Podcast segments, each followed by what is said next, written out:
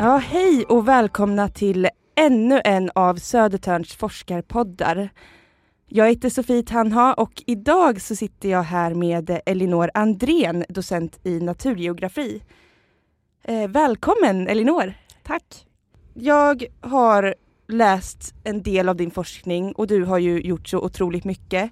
Men man kan säga att naturliga klimat och miljöförändringar sedan senaste inlandsisen smälter bort. Låter det rätt? Det stämmer väldigt bra. Och det är ju sån svindlande lång tid. Hur går det till när du, när du forskar kring det som hände för 130 000 år sedan? Oj, eh, det handlar ju om att hitta någon form av arkiv, ett historiskt arkiv och då använder ju vi sediment. Så vi behöver ha en, eh, ett fartyg som eh, åker ut på havet och provtar det här arkivet åt oss. Och eh, lite eh, beroende på vad man får upp så kan man också då eh, rekonstruera olika saker, som till exempel klimatets historia. Eh, särskilt om man håller på då i de här väldigt långa tidsperspektiven. Eh, och det, om, om, vi nu pratar 130 000 år, eh, då har det ju varit en inlandsis som har täckt hela Skandinavien mellan den förra varma perioden och den perioden som vi är inne i nu. Så att, eh, det är väldigt spännande. Eh, ja. Och sediment, det är då det här som kan finnas på havets botten? Ja, sediment är det som, som eh, bildas av det som eh, kommer ut dels från kusten, eh, kan vara små lerpartiklar som kommer ut från, från kustområdena och floder och det som transporteras ut helt enkelt, samt det som produceras med primärproduktionen som, som alger som finns, och, och, och cyanobakterier som, som blommar i havet. Ja, cyanobakterier är någonting man hör talas om lite då och då, speciellt när det gäller Östersjön kanske. Hur, hur mår Östersjön egentligen? Ja, idag eh, kommer det väldigt mycket larmrapporter om eh, hur eh, dåligt Östersjön mår. Eh, och det, det kan man ju se genom att mäta olika näringsämnen som finns i eh, Östersjöns vatten. Man, man ser också på bottnarna att det blir stor utbredning av eh, syrefria bottnar och det är också i förlängningen väldigt dåligt för Östersjöns miljö. Dels så, så påverkar det att eh, de näringsämnen som finns i vattnet inte eh, kommer bort från systemet genom att byggas in i det sedimentet, utan det kommer ut från sedimentet nya näringsämnen hela tiden i och med att man har syrefria bottnar. Så det blir som en eh, dålig eh, cirkulation helt enkelt, en dåligt kretslopp, ett negativt kretslopp ehm, på grund av syrefria bottnar. Eh, så att eh, vi människor har ju påverkat Östersjön eh, åtminstone de senaste hundratals åren genom att Eh, förändrad markanvändning och vi släpper ut mycket eh, näringsämnen genom jordbruket och genom eh, transporter som kommer med luften då, mycket kväve. Är du oroad över den här utvecklingen? Ja, fast samtidigt så måste man ju vara positiv för man ser ju också väldigt mycket förbättringar. Det har ju blivit, vi har ju blivit medvetna om eh, den negativa konsekvenserna av, av eh, människan. Så att det sker väldigt mycket stora förbättringar de senaste 20 åren skulle jag vilja säga. Så att eh, siktdjupen börjar öka och näringsämnena eh, börjar plana ut. Så att, eh, men, men det finns eh, andra saker man kan oroa sig för som klimatförändringar som också ger en effekt som kan vara övergödande på, på Östersjön. Så att det, eh, eh även om det är mm, lite lättare att göra eh, åtgärder som, som hjälper Östersjön eh, som punktutsläpp där man kan göra reningsåtgärder så kan det vara svårare att komma åt de här lite mer diffusa utsläppen som, eh, som finns från jordbruk. Och det görs ju väldigt mycket idag. Vi, vi är ju väldigt medvetna om, om eh, hur människan kan påverka Östersjön. Klimatet är ju mycket svårare att komma åt och, de, och det som klimat förändringarna för med sig. Som till exempel om det blir ökad nederbörd så kommer det ju komma ut mer näringsämnen via eh, nederbörden och regnvattnet ut i Östersjön eh, och hur det påverkar i förlängningen. Och sen också cirkulationen om hur, hur nytt eh, marint vatten, eh, saltvatten, kommer in genom de här trånga sunden i södra delen av Östersjön. Hur det kan påverka, eh, påverkas av klimatförändringarna. Det är också saker som man vet väldigt lite om. Och de här klimatförändringarna vi pratar om idag, klimathotet. Hur skiljer det sig från de här förändringarna i klimatet som man kunde se förr i tiden? Ja, jag tittar ju på naturliga förändringar och eh, det viktiga med det, det är ju att man, man kan se vad, hur eh, klimatet har förändrat sig innan människan var med och, och störde eh, systemet så mycket. Eh, och Det är ju väldigt bra för att ha som ett slags bakgrundsvärde, så att man förstår eh, de förändringar som man ser idag eh, och vad som är den naturliga variationen. För att mm. klimatet är ju inte mm, alltid... Vi människor kommer ju inte ihåg så långt tillbaka i tiden, men, men vi har ju befunnit oss i någonting som eh, var ett kallare klimat för eh, 150 år sedan och sen har det bara blivit varmare efter det, kan man ju säga. Så det har varit en uppgång i, eh, i temperatur på jorden som utgick då från den här lite kallare perioden. Så det finns en naturlig variation och den är väldigt viktig att komma åt så att man förstår de förändringar man ser idag. Så en ökning i värmen eller ett varmare klimat, det kan vara delvis naturligt? Eller är det någonting som har påverkats av människan? det, det vi ser idag, det är ju väldigt eh, tydligt påverkat av människan. Eh, det, eh, man, man, man, tror ju att det har att göra med eh, växthusgasutsläpp eh, till den allra, allra största delen. Sen finns det ju alltid naturliga komponenter som påverkar klimatet också. Eh, så det, det, det, mm. består alltid av två delar, skulle man vilja säga, mm. nu idag när människan spelar in. Eh, och man kan ju säga att människan har påverkat klimatet sen vi eh, började hugga ner alla skogar. Och det var ju eh, mer än ja, de senaste 10 000 åren har, har människan påverkat klimatet. Oj, oj, oj. Men inte i den utsträckningen sen när vi hittade fossila bränslen och började förbränna olja och gas och kol. Så då har ju utsläppen av koldioxid i atmosfären blivit så väldigt påtagligt mycket högre. Vad skulle kunna vara ett slags worst case scenario för Östersjön om det fortsätter förändras i den här takten? Oj. Lite ehm. dystopiskt kanske? Uh, oj, det är väldigt svårt. Det, det, jag modellerar ju inte själv, men det finns ju väldigt många oceanografer och meteorologer som modellerar framtida scenarier. Uh, alltså det, det, det, värsta av deras scenario det är att vi inte gör någonting idag, utan allting mm. bara fortsätter som, som uh, business as usual är det sämsta scenariet som, som finns i deras mm. uh, modeller. Och det är att man inte gör någonting och då kommer ju utbredningen av syrefria bottnar att öka och det påverkar ju alla organismer förutom bakterier dör på bottnarna.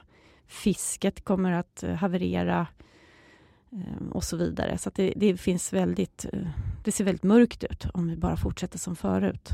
Så det är inget alternativ. Mm. Varför eh, forskar du om just Östersjön? Hur hamnade du där?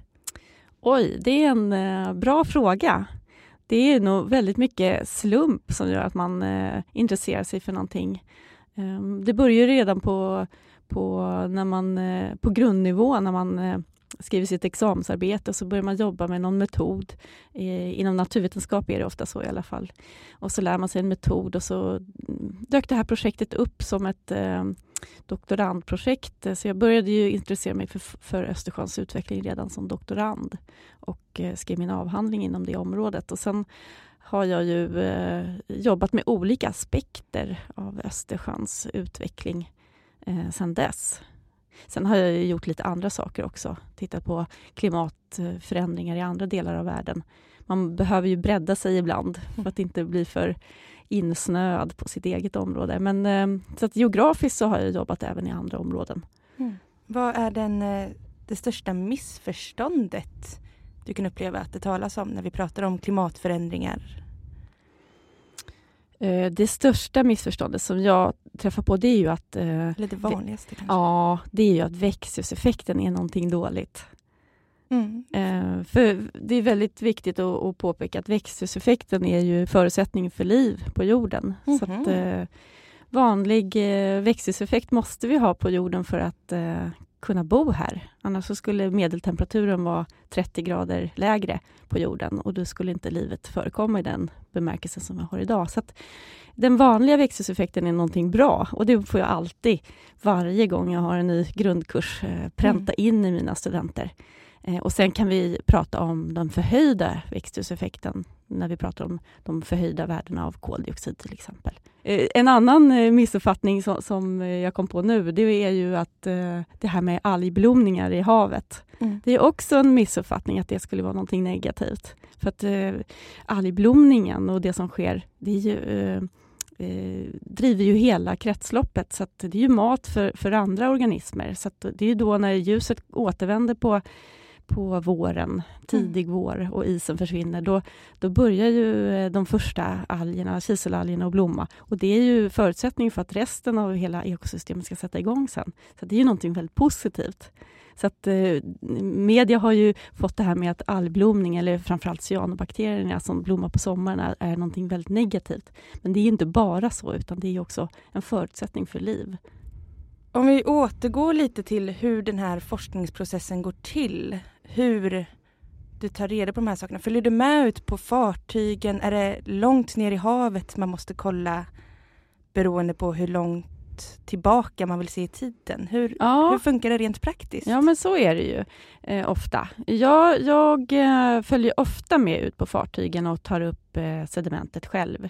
Eh, och vi dyker ju inte som marinbiologer ofta gör, utan vi eh, står ju uppe på däck och eh, firar ner en provtagare som är i stort sett ett långt rör av järn som, som pressas ner i havsbotten med hjälp av tyngden.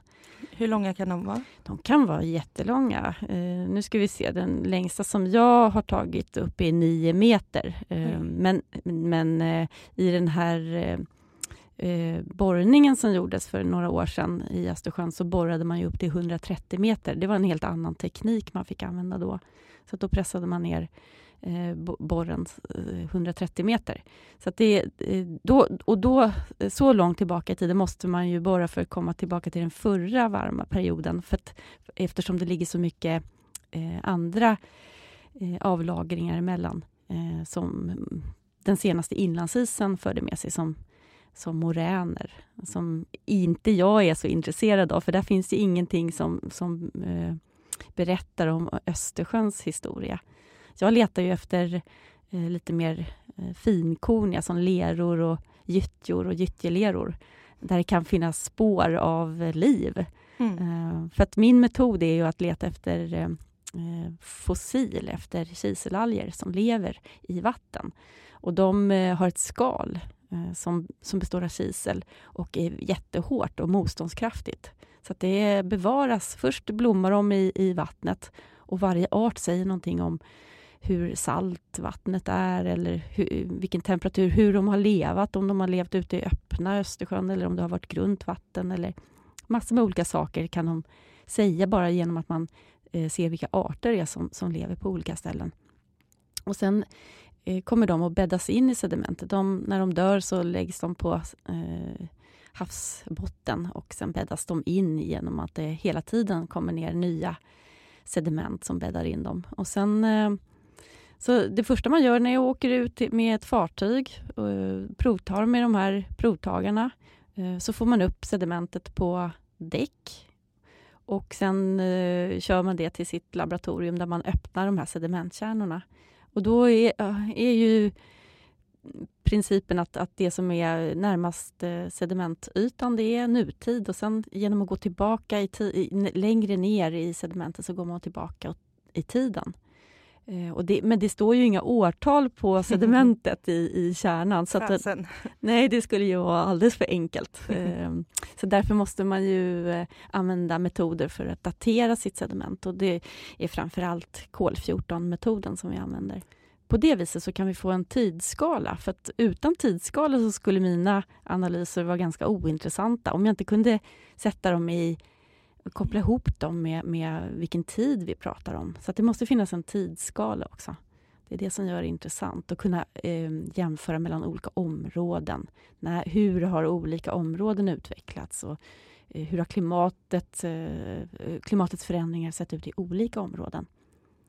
kan man se på något sätt när det var som den mänskliga påverkan faktiskt började visa sig i haven? Det var väl industrialiseringen som, som ändrade, ja, ändrade allting egentligen. Men när började havet märka av det?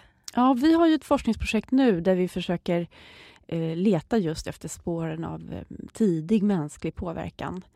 Eh, och det, våra preliminära resultat eh, ser ut att det är en, en eh, ingen um, riktigt, riktigt tidig påverkan på haven förrän um, några hundra år sedan. Eller det kanske du tycker är tidigt. Men uh, det, vi letade efter ännu tidigare spår så att uh, kanske redan för, på medeltiden att det skulle kunna vara stora förändringar uh, i um, havet då. Men, men vi ser inte några riktigt stora förändringar vid den tidpunkten utan det är först de senaste ja, drygt hundra åren som, som det sker riktigt stora förändringar. Eh, mm. Genom de mätmetoder som jag har då eh, kan man se att det, det, så, det som påverkas är framförallt eh, att det blir väldigt mycket mer eh, växtplankton. Det är alltså en ökad primärproduktion och eh, det är ofta då plankton som lever i havet och de skuggar då det som lever på botten. Så att det som lever på botten börjar dö ut och försvinna. Så andra, andra organismer som lever på havsbotten får för mörkt helt enkelt, så de kan inte växa kvar där. Ehm, och ehm, då får man en förändring i ekosystemet mot mer plankton och färre eh, bentiska organismer som växer på botten.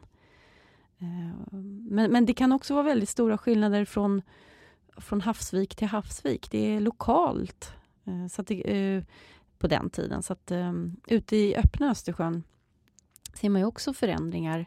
Eh, ut, där kan man ju titta på sedimentet i sig och se att utbredningen av syrefria bottnar bildar en, en form av sediment som blir randiga på grund av att man inte har några grävande organismer som kan leva om det blir syrefria förhållanden. Och då, blir de, då faller de ner på botten, sedimenten, och sen um, blir de inte omrörda. Mm. och uh, då, då, syns det på själva sedimenten att uh, här har vi eh, någonting som händer eh, som gör att det blir mer stabil skiktning i vattenmassan. Och att det, eh, men, men, men eh, det är komplext för det kan också bero på cirkulationen, havs, eh, inflöden av marint vatten eh, och eh, stabil skiktning på grund av eh, att det blir varmare klimat till exempel. Så det, det är alltid många olika komponenter som samspelar och det är det som gör det så intressant också att studera. Att uh, försöka, det är som att lägga ett pussel, att man får små pusselbitar och så försöker man lägga mm. hela pusslet uh, och lära sig lite mer varje gång. Mm. Uh, och varje sedimentkärna man öppnar så tror man att det här är den sista pusselbiten. Men ofta det, visar det bara att det är ännu mer komplext. Det är ett helt nytt pussel. Ja, eller hur? Det är ett helt nytt pussel och, och man får nya bitar och lär sig lite till. Men det ställer nya frågor också. Oh, wow. eh, och det är lite det som är det eh, intressanta med forskningen. Det tar aldrig slut. Mm. Man tänker att ja, men det här projektet som, som jag ska börja med nu, då kommer jag få svaret på alla de här frågorna. Men ofta så i slutändan av projekttiden så har man ställt tio nya frågor istället. men det är också det som är spännande. Mm. Det känns som att det finns olika uppfattningar kring den mänskliga påverkan av klimatet jämfört med tidiga naturliga processer. Är det någonting som finns kring er forskare också, att de här olika uppfattningarna, eller är det någonting som vi lekmän sysslar med när vi spekulerar? Har ni alltså, olika teorier, ni, du och dina kollegor? Eh, tänker du på klimatförändringarna i stort? Där ja. kan man väl säga att det är de senaste 20 åren har blivit mer och mer samsyn om människans påverkan. Eh, mm. Jag vet när jag gick och, och läste geovetenskap som grundkursstudent, då fanns det fortfarande väldigt mycket olika uppfattningar och många geologer hävdade att, att de naturliga förändringarna var viktiga och meteorologerna mätte de mänskliga påverkan genom mätningar de senaste hundra åren. Och geologerna hävdade alltid att, att man måste titta i ett längre perspektiv. Mm. Idag tycker jag att det har blivit en mycket mer nyanserad bild och uh, man, uh, meteorologerna tittar också i ett längre perspektiv. Man modellerar längre tillbaka i tiden uh, och tar hänsyn till de naturliga förändringarna. Så att, det har skett en förändring över tid som gör att det är mycket mer samsyn idag än vad det har varit tidigare bland forskare. Sen ska jag inte säga att alla forskare tror på samma sak, för så är det ju inte. Eh, men, men det är ju därför också IPCC eh, går ut och säger att det med största sannolikhet är på ett visst sätt. Eh, de säger inte att det är så, för det är mm. ingen som... Inom vår vetenskap kan man inte säga att det är på ett sätt. Men med största sannolikhet så tyder alla forskningsrön på att det är människans utsläpp av koldioxid och andra växthusgaser som har påverkat klimatet på det viset och den höjningen i temperatur som vi ser idag. Det är ju, men, men som sagt var så finns det ju alltid eh, vetenskapsmän som, som hävdar motsatsen. Mm. Ehm, det, det, går inte att frälsa alla, brukar jag säga. Men, men eh, jag tror att det finns en stor eh, uppgift bland forskare att föra ut att den här samsynen finns. Att de allra flesta tror ändå på det här. Mm. Um, nu, nu, ser vi ju en liten tillbakagång i, i, den här debatten i och med det som händer i världen. Så att, det tänker finns... på rent politiskt ja, och nya idéer? Jag vill inte gå in riktigt ja. på det politiska eftersom jag inte är forskare inom politik. Men det är, det är nästan oundvikligt att uh, ta till sig det när man håller på med klimatfrågan. Uh, mm. För den är så infekterad. Men det känns som att det är ännu viktigare nu, det senaste året har det kommit tillbaka. För att eh, just det som händer i världen, att, att mm. eh, man drar ner på grundforskning och att eh,